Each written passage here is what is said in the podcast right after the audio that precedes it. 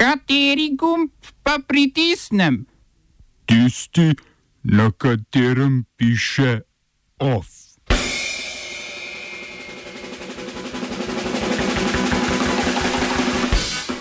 Venezuelska vlada ukinja subvencije na gorivo.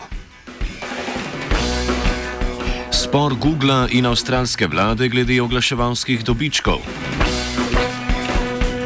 Vatikanska reforma javnih naročil. V kulturnih novicah je Trst še vedno neuralgična točka evropske politike in kulture.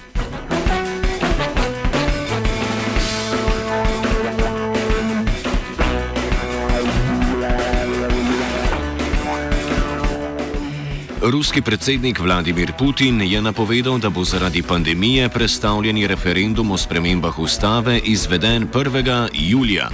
Rusi bodo tako lahko zavrnili ali potrdili pravila o omejitvi predsedniških mandatov na dva, večjih pristojnostih parlamenta in predsednika ter heteronormativni definiciji zakonske zveze.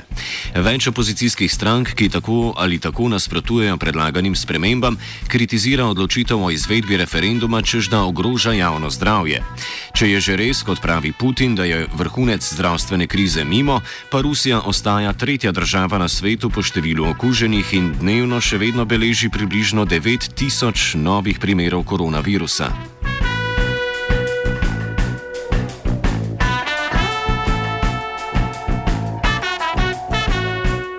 Sveti sedež je sprejel nova pravila javnih naročil z deklarativnim namenom zmanjšanja korupcije znotraj Vatikana. Nova zakonodaja tako usklajuje vatikansko zakonodajo z mednarodnimi standardi, med drugim tudi z večjo stopnjo centralizacije internega nadzora. Sicer povsem logični, a za Vatikan očitno novi mednarodni standardi zavezujejo sodelujoče na javnih razpisih, da izpolnjujejo visoke kriterije, kot so odsotnost konfliktov interesov in prilagajanje in prilaganje dokazil, da niso povezani z organiziranim kriminalom. Kje je šele plačevanje davkov?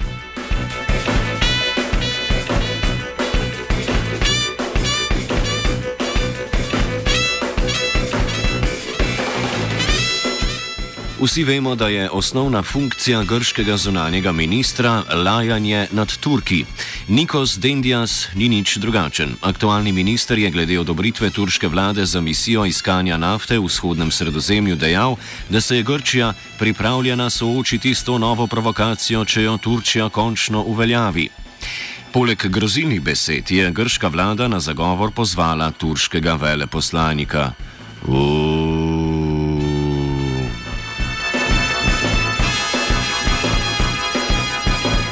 Turčija je prejšnji teden oznanila načrte državnega energetskega podjetja, da prične z iskanjem nafte v roku treh ali štirih mesecev. Dvomljivo legalnost svojih potez pa utemeljuje na lanskem dogovoru z libijsko vlado, ki jo priznavajo Združeni narodi. Dogovor namreč ureja razmejitev sredozemlja med Turčijo in Libijo, pri čemer se požvižga na Grško morje, ki se nahaja vmes. Ups!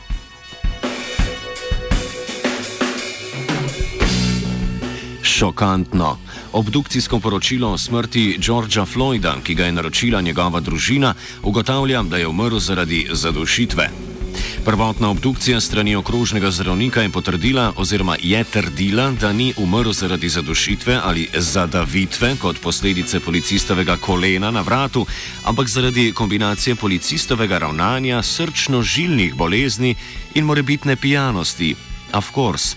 Tožilstvo, ki je policista Dereka Šovena obtožilo umora in uboja tretje stopnje, bo moralo dokazati ravno to, da je bilo Šovinovo delovanje neposredni vzrok Floydove smrti.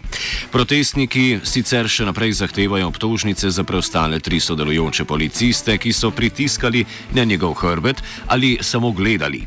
Ti so še vedno na prostosti, policija pa je v mestnem času pridržala prek 4000 demonstrantov po celotnih Združenih državah Amerike. Lincoln.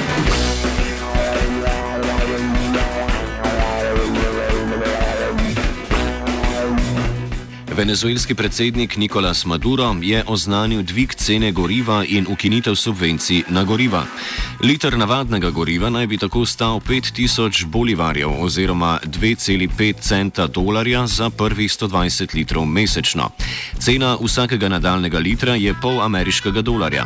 Maduro je zvišanje cen oziroma zaračunavanje mednarodne cene nafte pospremil s kritiziranjem ameriških sankcij na državo, čež da Združene države preganjajo podjetja, ki uvažajo nafto v Venezuelo, zaradi česar se je bila Venezuela primorana obrniti po pomoč k Iranu, ki iz tankeri ponovno dobavlja gorivo, ki ga Venezuela sama ni zmožna proizvesti.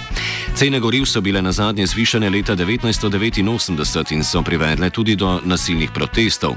Kljub ukinitvi subvencije na gorivo bo država še naprej subvencionirala javni prevoz.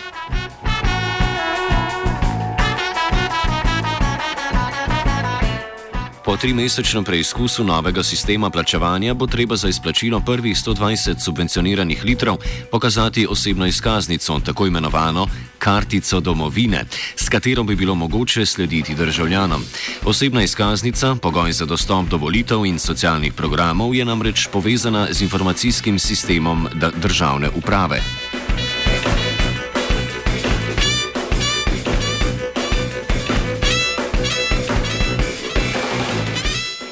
Avstralska komisija za konkurenco in varstvo potrošnikov zahteva, da korporaciji Google in Facebook vrneta 10-odstotni delež dobičkov oziroma približno 540 milijonov evrov letno, ki sta jih zaslužili leta 2019 z oglaševanjem v novicah iz avstralskih medijev. Mel Silva, direktor tamkajšnje podružnice Google, trdi, da komisija zavaja z vsotami, ki naj ne bi bile tako visoke. Silva je prav tako zatrdil, da z informiranjem pripomorejo k krepitvi demokracije in pa da avstralski mediji na račun Google zaslužijo več kot obratno, čež da uporabniki kliknejo na novice, ki so jih našli prek strežnika, ter posledično na oglase na spletnih medijih.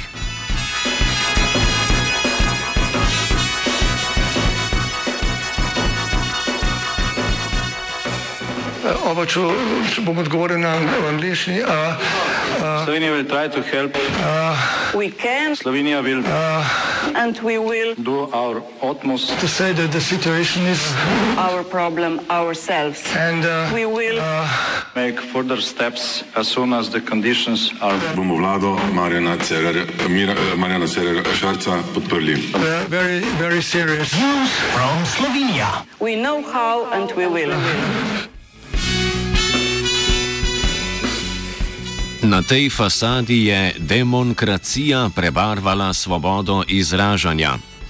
Spominska plošča s tem napisom v Mariborski pekarni ostaja, da opomni bodoče rodove na 25. april 2020 in koordinirano policijsko-gasilsko akcijo brisenja grafita s podobo Jane Zajanše z iztegnjeno desnico in pripisom Smrt narodu, svoboda fašizmu. V novem poglavju komedije absurdov tudi tokrat ni šlo brez policijske intervencije, je pa vsaj nekaj razuma za to pokazal dežurni tožilec, ki je ugotovil, da ni suma kaznivega dejanja. Več o tem v offsajdu čez dve uri, ko boste lahko slišali, kaj si o vsem skupaj misli eden od avtorjev plošče in grafita Sašo Rek. Off je pripravila Gaja.